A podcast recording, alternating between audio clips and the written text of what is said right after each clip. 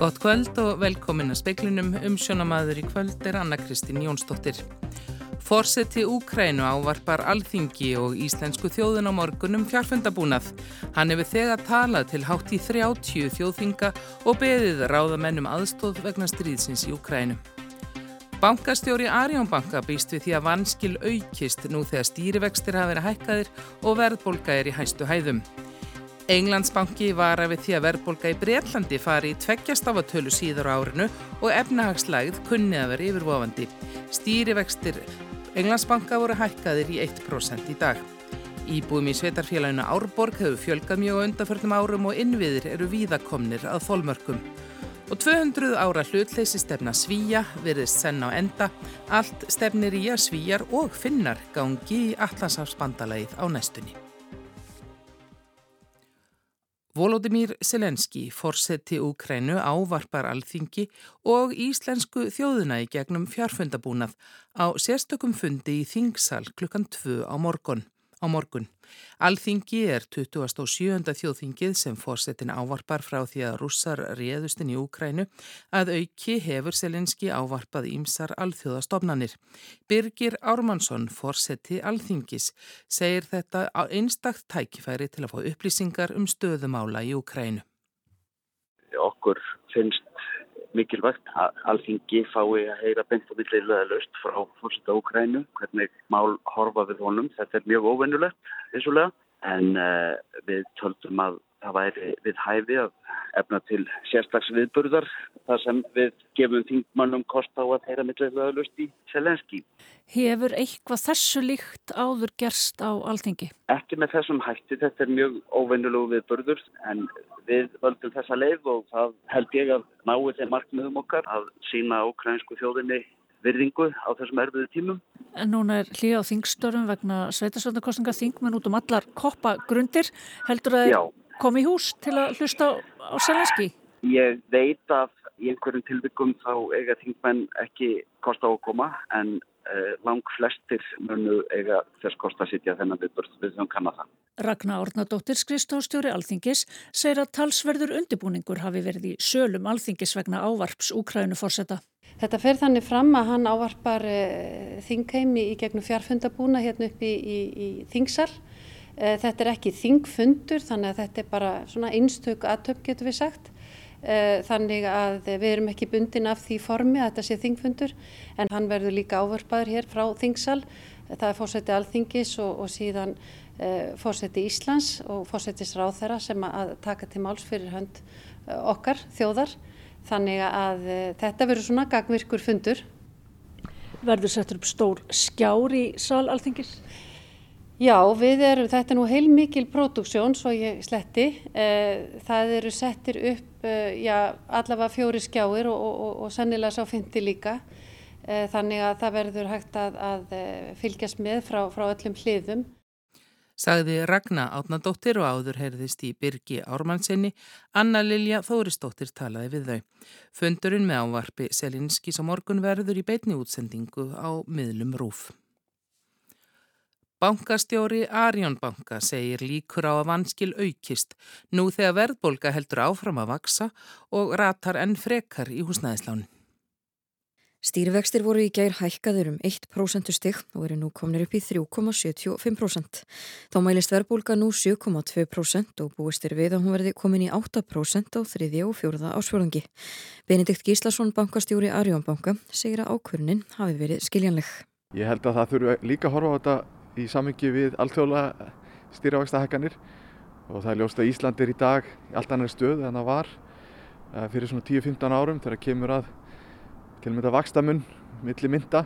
Við erum í dag eh, netto lánveitundur til útlanda og eigum stóran gældirisforða og ég held að þessi stýravægstahækkanir verða að setja svolítið í samengi við alþjóðlega þróun af því að verbulgan hér er ekki tarri heldur en annar starf.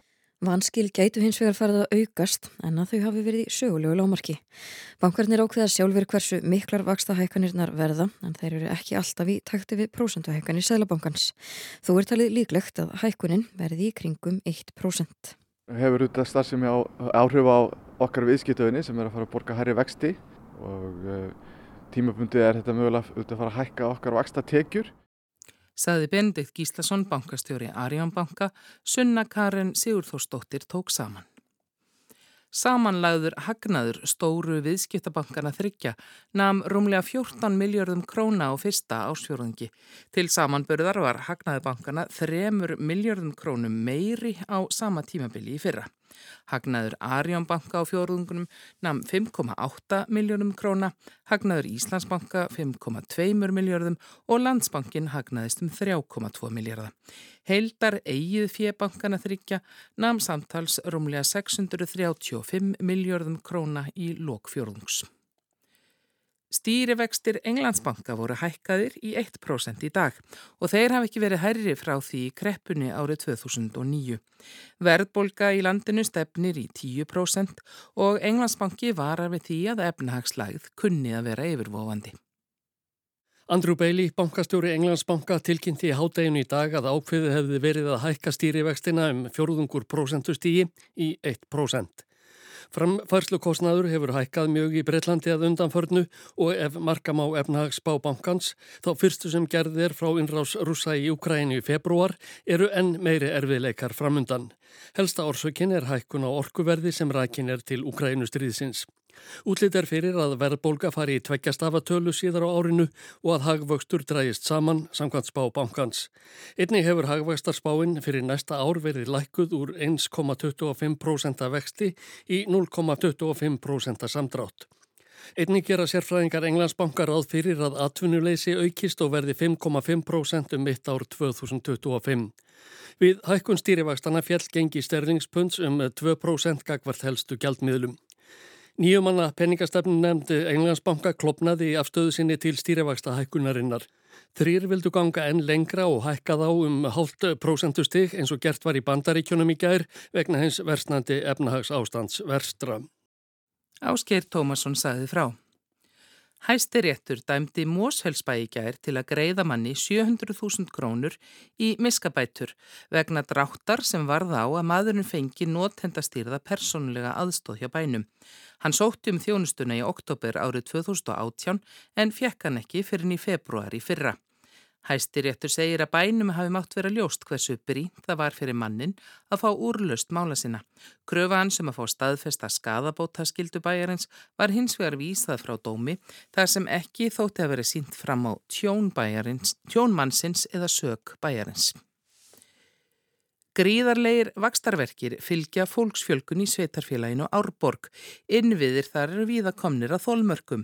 Tæplega 9.000 manns byggu í sveitarfélaginu í byrjun kjörtimbilsins en þeir eru nú orðið tæplega 11.000. Forstjóri Helbriðistofna Suðurland segir margar áskoranir fylgja fjölgunni og þakka hvort öllum aldurshópum en líka því að svæðis í stort, margt fólk í sömarhúsum og ferðamenn. Við ráðum við þetta en þetta er, við þurfum mönnun, það er áskorun í, í mönnun og það er áskorun að fá fjárvetningu í þjónustuna en jú ég held það og það eru mörg verkefni sem brenna okkur núna sem við þurfum að standa vörðum. Vakstaverkinir hafa verið miklu, hvað er það helst? Sko ég myndi segja bara þjónustuþörfin og mönnunin hjá okkur og við erum að horfa fram á það eins og hérna núna þegar COVID er, er svona að fjara út að þá eru bara býð öllu verkefni sem við höfum svolítið þurft að setja til hlýðar. Ráða húsakynnin hér við þessi verkefni sem eru framönda? Nei, það get ég ekki sagt. Ég, hérna, það, það er vandamál. Við erum bara að springa, starfseminni að springa utanum okkur sagði Díana Óskarsdóttir, forstjóri heilbriðistofnuna Suðurlands. Jóhanna Vigdís Hjaltadóttir talaði við hana og nánar verður fjallað um sveitarfélagið Árborg í sjónvarpsfréttum klukkan 19. Aðflutt fólk hefur einst mikilvægt í mönnun kjörstjórna fyrir sveitarstjórnarkostningarnar sem verða eftir rúma viku að sögn formanna kjörstjórna víða um land. Með nýjum kostningalögum hefur víða reynst erfitt að manna kjörstjórnir því að búið er að vika út þau fjölskylduteng sem valda vanhæfi. Sumstaðar hefur þurft að skipta út meirinn helmingi kjörstjórnar. Flestir formenn kjörstjórna á landsbyðinni sem fréttastofa ræti við lístu óanægu sinni með nýju lögin og flesti voru samalögum aðgerna væru afar íþingjandi og bríntað endurskoða lögin fyrir næstu kostningar. Nánar má lesum þetta á rúf.is. Enn er óljóst hvenar reyndverður að ná stittunni af Guðriði Þorbjörnundóttur úr eldflög tveggja listakvenna. Það verður reynd að gera það án þess að skemma eldflögina meira en nöðslegt þykir og lögreglan á Vesturlandi ætlar að fá blikksmiði til verksins. Stittan var tekin ófrjálsi hendi af stöppli sínum að laugabrekka á Snæfellsnesi í mars. Listakonurnar Bryndís Björstóttir og Steinun Gunnlaugstóttir komu stittunu fyrir í heimagerðri eldflög og settu fyrir nýlistasafni í Reykjavík. Bæjastjórin í Snæfellsbæ kerði þjófnaðin á stittunni og skemdarverk. Jónas Ottosson hjá lauruglun á Vesturlandi segir að tveir hafi stöðu grunas manns í rannsóknmálsins en vil ekki gefa upp hvort það séu listakonurna tvær. Skíslutökur eru ekki hafnar og ekki hefur ákveði hvenar það verður. Þá ráða lagfræðingar lauruglu ennbættisins nú ráðum sínum um hvernig sé bestan á stittunni úr eldflöginni. Flögin er úr hjárni og því viðbúið að beita þurfi loksuðum. Jónas segir að reynd verða aðskilja listaverkin tvö með sem minnstu tjóni. Hann segir að það verk verði sett í hendur fagmanna í hjártsmiði, vélvirkja og blikksmiða. Þá verði fulltrúum þeirra sem hlutegað máli bóðið að vera viðstattir listaverka aðskilnaðin. Ekki sé hægt að segja til um hvenar það verði. Jóna segir að stittan sé nýþung, það sé ekki einsmanns taka að lifta henni. Láregla notaði krana við að hýfana og eldflugina utanum. Hún er í lastri geimslu láreglunar á Vesturlandi. Kristín Sigurðardóttir tók saman. Fyðringur, hæfileika keppni ungmenn á Akureyri og nágrenni fer fram í fyrsta skipti í hofi í kvöld og keppni verður í betni útsendingu á Rúf 2. En nú ætlum við að bjóða velkomins við fyrsta atriði kvöldsins. Disco After Panic. Maybe I lost way I'm playing Það var tölverð spenna í loftinu í menningarhúsinu Hofi á Akureyri í dag þegar nefnendur í síðuskóla tóku loka reynsli fyrir kvöldið. Þetta er í fyrsta skipti sem keppni sem þessi er haldin á Norðurlandi en hún sækir fyrirmynd sína í skrekk sem hefur verið haldin í Reykjavík í rúma þrjá áratugi. Hera Jónsdóttir og Marja Pálsdóttir standaða skipulagningu. Það er ekkert smá gaman að sjá þetta bara eitthvað nefn frá upphafi og síðan að uppskera núna, sjá hvernig þetta er búið að þróast áfram sko og þau eru svo fljóta aðlægast, þau eru að koma úr kannski litlum skólastofum þar sem það er verið að æfa dans og allt bara í einhverju svona mjög þröngu rými og svo bara stóra sviðið hof, í hofi mm. og þau eru bara master að þetta sko. Þannig að talaðan Óðinsvann Óðinsson við Heru Jónsdóttur og Marju Pálsdóttur.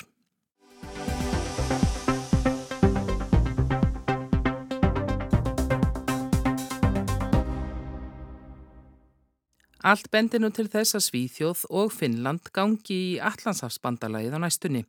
Það myndi marka lok 200 ára stefnu Svíja um að standa utan hernabandalaga og gæta hlutleysis á ófriðar tímum.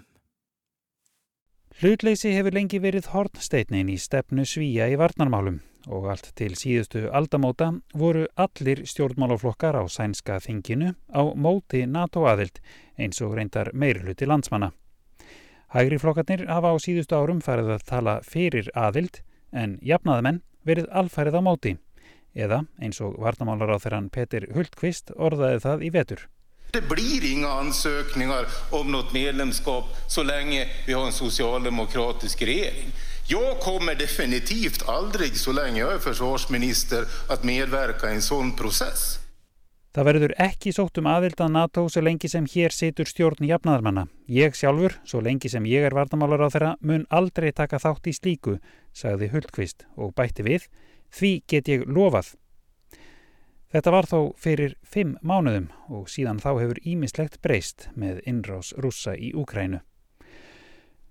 Loforuð vartamálar á þeirra hans er augljóslega fattið úr gildi og mögulega þarf hann að segja af sér á næstunni. Þótt það sé þversagnakent þá hefur þó kannski enginn gert jafn mikið til að undirbúa jarðvegin fyrir sænska NATO-aðild og einmitt hann.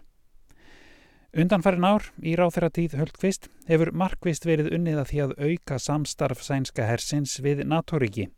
Það hefur verið staðið fyrir sameiglegum hernaðræfingum og tengsli við NATO orðin eins náinn og hægt er án þess að Svíþjóð sé formlega aðili. Þetta átti að vera besta leiðin til að tryggja öryggi svíþjóðar með traustum bandamönnum og um leið hlutleysi. En nú, þegar á hólminn er komið, þykir þetta samt ekki nóg.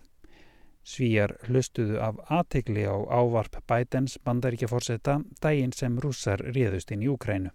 As I made crystal clear, The United States will defend every inch of NATO territory with the full force of American power. Bandaríkin munu verja hvern þumlung af landsvæði NATO-ríkja með öllum hernaðarmætti bandaríkjana, sagði Biden. En, eins og Biden hefur margóft sagt í kjölfarið, bandaríkin munu ekki hefja þriðju heimstyrjöldina með beinum hernaðarátökum við Rúsland vegna ríkis sem ekki er í NATO. Þessi umæli segja fréttaskýrindur í Svíþjóð að hafi haft mikil áhrif hérlendis. Fram að því hafi svíjar litið svo á að Bandaríkin og NATO myndu alltaf koma svíjum til hjálpar ef á landið yriði ráðist. Umræðan eftir innrásina í Ukrænu hafi eins vegar sínt fram á annað. Síðustu ár hefur stuðningur við NATO aðild mælst í kringum 30% í Svíþjóð, en mun fleiri verið andvýr. Samkvæmt síðustu konunum hefur þetta gjör breyst. Nú vil næstum helmingur landsmanna ganga í NATO en aðeins fjórðungur vil eindrið standa utan bandalagsins. Enda er útlitt fyrir að svíjar síu á leið í NATO. Innan jafnaðmannaflokksins sem situr einn í minni hlutastjórn fara nú fram umræður um aðild sem standa fram á 50 dagi næstu viku. Ímsir framámenn sænskra jafnaðmanna hafa þó þegar gefið í skinn að þeir vilji að sótt verði um og það er líklegt að það verði niðurstaðan. Tómas Ramberg, stjórnmálaskýrandi sænska ríkisútvarfsins, segir að svo umræða sem nú sé í gangi innan jafnaðamannaflokksins sé hálgerður þykjustuleikur. Það séu engar atkvæðagreislur eða umræður um mismunandi tillögur heldur sé einfallega verið að tryggja stuðning innan flokksins við ákvörðun sem þegar sé búið að taka, nefnilega að sækja um aðild. Man ska helt enkelt förankra den ståndpunkt som man redan har kommit fram till. Málið er þó enga veginn auðvelt fyrir jafnamannaflokkin. Líkt og ráð þeirra varnarmála hafa almennir flokksmenn verið afar andvýr aðild. Síðast í desember vildi bara 21% af kjósendum flokksins ganga í NATO. Þetta hefur breyst talsvert en þó er nú aðeins fjórir af hverjum tíu kjósendum jafnaðamanna fylgjandi því að sækja um aðild.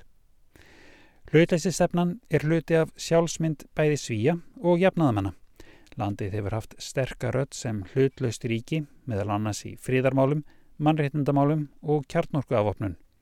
En gangi Svíþjóð í NATO verður erfitt að tala fyrir kjarnorkuafopnun þegar bandalagið kvílir meðal annars á þeim. Ef jafnaðamenn komast svo að þeirri niðurstöðu að rétt sé að sækja um aðildað NATO, þá er komin yfirgnefandi meiruluti á sænska þinginu. Hægri flokkurinn Mótir Atana hefur talað fyrir aðild síðan 2003 kristulegir demokrater síðan 2013 og miðflokkurinn frá árunnu 2015. Svíþjóðardemokrater sem lengi vel vildu þjóðratkvæðagreislu segjast nú vilja sækja um ef finnar sækja um. Andstæðingar aðildar eru aðeins græningjar og vinstirflokkurinn sem krefst þjóðratkvæðagreislu. Engir aðrir flokkar hafa þó tekið undir þá kröfu. Dægin eftir að jafnaðamenn ljúka umræðum um NATO á förstu dagi næstu viku kynir sænska þingið greiningu sína á örgismálum og laugardag kynna finskir jafnaðamenn afstöðu sína gagvart NATO-umsókn. Dægin eftir kynna sænskir jafnaðamenn niðurstöðu sína og þreymutugum setna kemur fórseti Finnlands Sáli Nínistu í ofinbæra heimsók til Stokkólms. Margir spá því að finnar og svíjar sæki svo í sameiningu um aðildað NATO á leiðtugafundi bandalagsins í lók júni. Þetta er Kári Gílvason sem talar frá Gautaborg.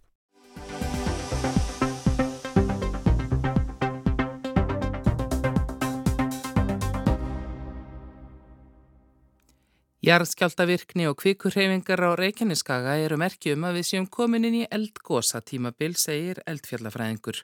Jarðskjáltar við Krísuvíki nótt og skjáltavirkni undanfarið bendi þó ekkert sérstaklega til þess að gos sé í vendum. Vafalítið kiftust margir á suðvesturhóttinu við um miðnættur bil þegar tveir jarðskjáltar sem mæltust um þrýrað stærð örðu við Krísuvík. Annar skjáltin var um 2,9 og hinn mæltist 3,4. Þarna skalvjörð líka um helgina og töluverð skjáltavirkni hefur verið á Reykjaneskaga undanfæri misseri þó að flestir hafi verið smáir.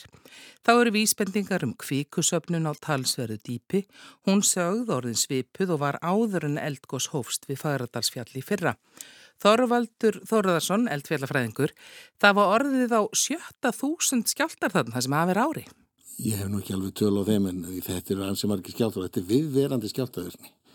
kannski eikst svona tímabundið og svo dettur hún aðeins niður en, en hún er alltaf svona und, undirliggjandi og þessi skjáltar hann í nótt og, og í dag þegar hafa hann verið hann hvað yfir kleifavatni og svo sínist mér að hafa eitthvað, verið, eitthvað virkni verið undir sundnjúkum sem er eiginlega fylgja alveg sundnjúkasprungunum sem er norður að grinda ekki. Jærvísindumenn hafa fylst af að náið með Reykjaneskaganum undanfatna mánuð ár og já líklega nánar en nokkru sinni. Veðustofan fylgir þannig alltaf með þessum hlutum, eins og þau segja á, á góður íslensku en vondri ennsku 24-7. Þetta verður vaktað og menn fylgjast grænt, grænt með þessari þróun og kannski sérstaklega núna horfa með einn svona eh, meira í hugsanlega kvikur hefinga vegna þess að við erum komin inn í þetta eldgósa tímabil sem við höfum oft rætt um í tengslu við Reykjanesið.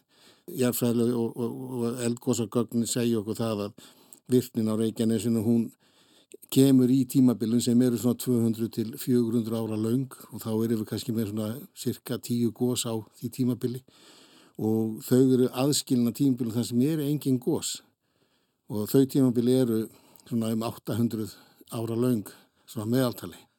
Og Þorvaldur gerir þarna mun á eldgósa tímabili og eldum eða jarðeldum. Eldar eru nota meira við kannski eh, röða gósum sem er stutt á milli sem það þá kannski mánuðir eða ár á sama kerfinu sko. En þannig erum við komið Reykjanes skagan allan undir og, og það getur góðsig hvað sem er á Reykjanes skaganum og, menn hafa nú skipt Reykjanes skaganum íst upp í þrjú kerfi eða, eða sex kerfi, það fyrir þetta hvernig, hvernig liggur á mönnum held ég. Það er sko allir Reykjanes skagin, hann er komin af stað. Þetta er kannski í samanbyrði þá kannski ef við værum hugsaðum þetta sem allt Norðurlands góðspeltið eða Norðurgóðspeltið væri komið í gang sem þá varum við með eldgós í kröplu, öskju og, og kverkvöllum til dæmis. Það getur alveg gæst yfir ákveðin tímabill líka. Eins og við vitum og hefum oft komið fram í samtölum að jarð og eldfjallafræðingar hugsa oft í lengri spönnum heldur en við gerum kannski sjálf og því það þetta hugsa menn, ég meina, heyrum þessar fréttir, það er talað um það sem farið að sapnast kvika aftur í hólf sem eins og var áður en gaus í fyrra og þá held að mann kannski að það var að gjósa morgun. Já, við getum það ekki útilokað að gjósa á morgun en mér finnst það mjög óleiklegt þannig að ég myndir til að vera mjög litla líkur á því að við fengjum góðs á morgun en uh, maður verður að fara varlega þegar mann hafa fullilt soliðislega þá hefur oft farið öðruvísi en það alltaf var. Við erum í tíma þar sem er engin góðs. Þá sapnast líka kvika fyrir. Það er ekki, sko, ekki eins og að kvikumyndun djúft í jörðinu stoppi. Hún heldur alltaf áfram og síðan sapnast þetta þá í einhvers konar geima sem eru sennilega undir Reykjanesinu eru, eru svona frekar stórir kvikugeimar á svona 15 km dýpu og kannski aðeins dýbra hugsaðan áður kannski eitthvað greinra líka. En þá erum við að tala um eh, einhvers konar söfnunar hólf sem eru þarna undir í löllum Reykjaneskagan, þó þessi kannski ekki endur alveg tengd, þá náðu svona lengdin á Reykjaneskagan og það er alltaf kvika sapnast inn í og svo þegar að spennustígið er rétt á skaganum þannig að það fyrir gós, þannig að það slagnar á spennunni yfir allar reykjanska þá það fer kvika sem er í þessum hólfum að stað og fer að koma næri yfirborði og jafnveg ná til yfirborðs og, og, og, og gjósa. Og þá erum við, þegar það gerist þá erum við komin í eldgósa tímabil það er það sem við, sem við sitjum í dag þessi kvika sem hefur sapnast fyrir, sapnast fyrir frá Reykjaneseldur sem stoppuði 1240 eða fyrir réttur um 780 ára síðan þá hefur núna, er hún hefur hún tækifært að komast til liðbóls og sjálfsögur fyrir hún eitthvað á stað fyrir að sapnast til aðeins grinnra dýpi og enda náttúrulega með eldgósi og það er það sem við erum að horfa á í dag og það er þess sem við erum með þess að viðverandi skjáltaður hérna undir líka. En það er raun og verið engi merki núna, akkurat núna á þessum tímapunktum að það sé eitthvað að fara að staðan? Ekki þannig að ég, það getur séð það ekki, ekki akkurat núna, en en bara horfir á bara hvernig skjáltavirknin er og hversu viðvarandi hún er, þá eru greinilega einhverja reyfingar hann að niðri og uh, hvort og hvenar það eru nægilega mikla til þess að, að fara í, í gós, það verður bara tíminlega leiðiljós. Það má á stundum sjá bólstra rýsa upp í grend við keili og mann rökkva jafnvel í kút. Eh, er það þannig að það rjúki enn úr rauninu sem rann í fyrra? Raunin er mjög þygt þetta með sér gældningadölum og eins líka í meradölum almennt. Þetta, er, að þetta fór inn í lokaða dali þá sapnast það fyrir í dölunum og, og, og var óvinnilega þygt og þegar hraun er mjög þygt að þá hérna, tekur langa tíma fyrir að kólna niður og að því að skorpan sem er ofan hún er mjög einagrandi það er lítið, tilturlega lítið hitaflæði þar upp en þá múið þegar rignir til dæmis rýpa vatni niður í sprungundar sem hafa, kælisprungundar sem hafa myndast í hrauninu þá komast þær nær heita kjarnanum og þá fara þeir stað. Og það tekur sko fyrir svona bunga eins og í geldingadur það getur tekið hátt í heila ölda kólna, full kólna sko En það mann það eiga vona því að við sjáum bólstra á bakri keili og án þess að nokkuð sé í gangi. Já, já, já, það má alveg búast við því og, og, og hérna, svo líka það var náttúrulega var, virtist vera einspýting alveg framöndir sko jól á síðast ári. Sem kvika koma mjög grund og jafnvel inn í raunnið í, í þannig að, að við erum komið mjög stutt á vegi þessu kæliferði. Hvaða lærdom draga menn og hversu fljótt af uh, atbyrðum eins og þeim sem voru í fyrra í fræðan? Sumuleiti drögur bara lært um 1, 2 og 3 og, og, og það er náttúrulega eins og til dæmis með það hversi lág framlegin var í þessu gósi og alveg frá upphafi sem kom okkur svona óvart og ég verður að vera því ekki það, maður átti ekki vonað því að þetta myndi raun og verið ná sér eitthvað á stryk en þess að framlegin var svo lítil í byrjun en það gerði þá og þetta gósið var í gangi eh, allavega í 180 eða halvt ár en hugsanlega jafnvel í tíu mánuði sem er svona ákveð, ákveð lartónstig sko. En svo náttúrulega leiða sko rannsóknirna munu leiða fullt af nýjum upplýsingum í ljós og það eru nú þegar farnar að koma út og það munu auka skilning okkar á þessum kvíkukerfi sem eru undir yfirborði á Reykjaneskagan. Við getum þá nýtt okkur þá þekkingu til þess að reyna að vega með þetta aðstæðu fyrir framtíðagós. En það sem ég finnst svona kannski bæði mestu og mikilvægast í lærdómunum sem við, við getum degið og það ekki bara þá vístum heldur bara samfélagið allt er að þannig erum við með svona frekar aflítið góð sem að koma upp á besta stað hvað var þar innviði og, og annað. Og við myndum gera sjálfum okkur greiða með að taka það sem svona áminningu um það að við þurfum að taka tillit til þessara náttúru afla þegar við erum að skipulegja innviði og byggð á Reykjaneskaganum og reyndar á mörgum öðrum stöðum á landinu sem eru nálægt góðspeltum. Og þetta er bara mjög mikilvægt að við hugsum aðeins um þetta og, og inn í framtíðina og hugsum hvernig við getum tryggt, eða bæði við með fyrirbyggjandi aðgerð og hvernig við getum tryggt að áhrif eldgóðs í framtíðinni er eins lítill og kostur er. Sagði Þorvaldur Þorðarsson eldfjallafræðingur. Skil með ofankomi farið við landi í dag með snjókomi á fjallvegum og líka í byggð á norðanverðulandinu. Það eru gular veðurviðvarnir í gildi í dag og framvertir morgni fyrir Norðurland eistra, Östurlanda glettingi og Östfyrði og svo fyrir Suð-Östurlandi í fyrramálið. En veður horfur til miðnættis annað kvöld er annars stæðir að það verður vestan og suðvestanátt 8 til 13 metrar á sekundu og skúrir eða jél en hægari norðlægur vindur og snjókoma norðanlands. Norðvestlag 8 5 til 13 í nótt en 13 til 20 austan til, víða skúrir eða jél en samfeldari snjókoma á norðaustanverðulandinu, dregur úr vindi á morgun og stöku jél eða skúrir, hitti 3 til 8 stiga deginum en um frostmark fyrir norðan. Í fréttum var það helst að fórseti Úkrænu ávarpar alþingi og íslensku þjóðuna á morgun. Hann hefur nú þegar talað til hátt í 30 þjóðþinga og beðið ráðamenn um aðstóð vegna stríðsins í Úkrænu.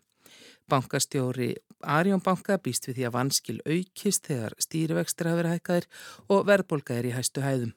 Englandsbanki var við því að verðbólka í Breitlandi fari í tveggjastafatölu síðar á árinu og efnagslæð kunni að vera yfirvofandi. Stýrivextir Englandsbanka voru hækkaðir í 1% í dag. Og íbúim í sveitarfélaginu Árborg hefur fjölgað mjög á undanförnum árum. Innviðir eru víða komnir að þólmörkum. Fleir er ekki í speklinum í dag. Tæknum aðri útsendingu var Mark Eldredd veriði sæl.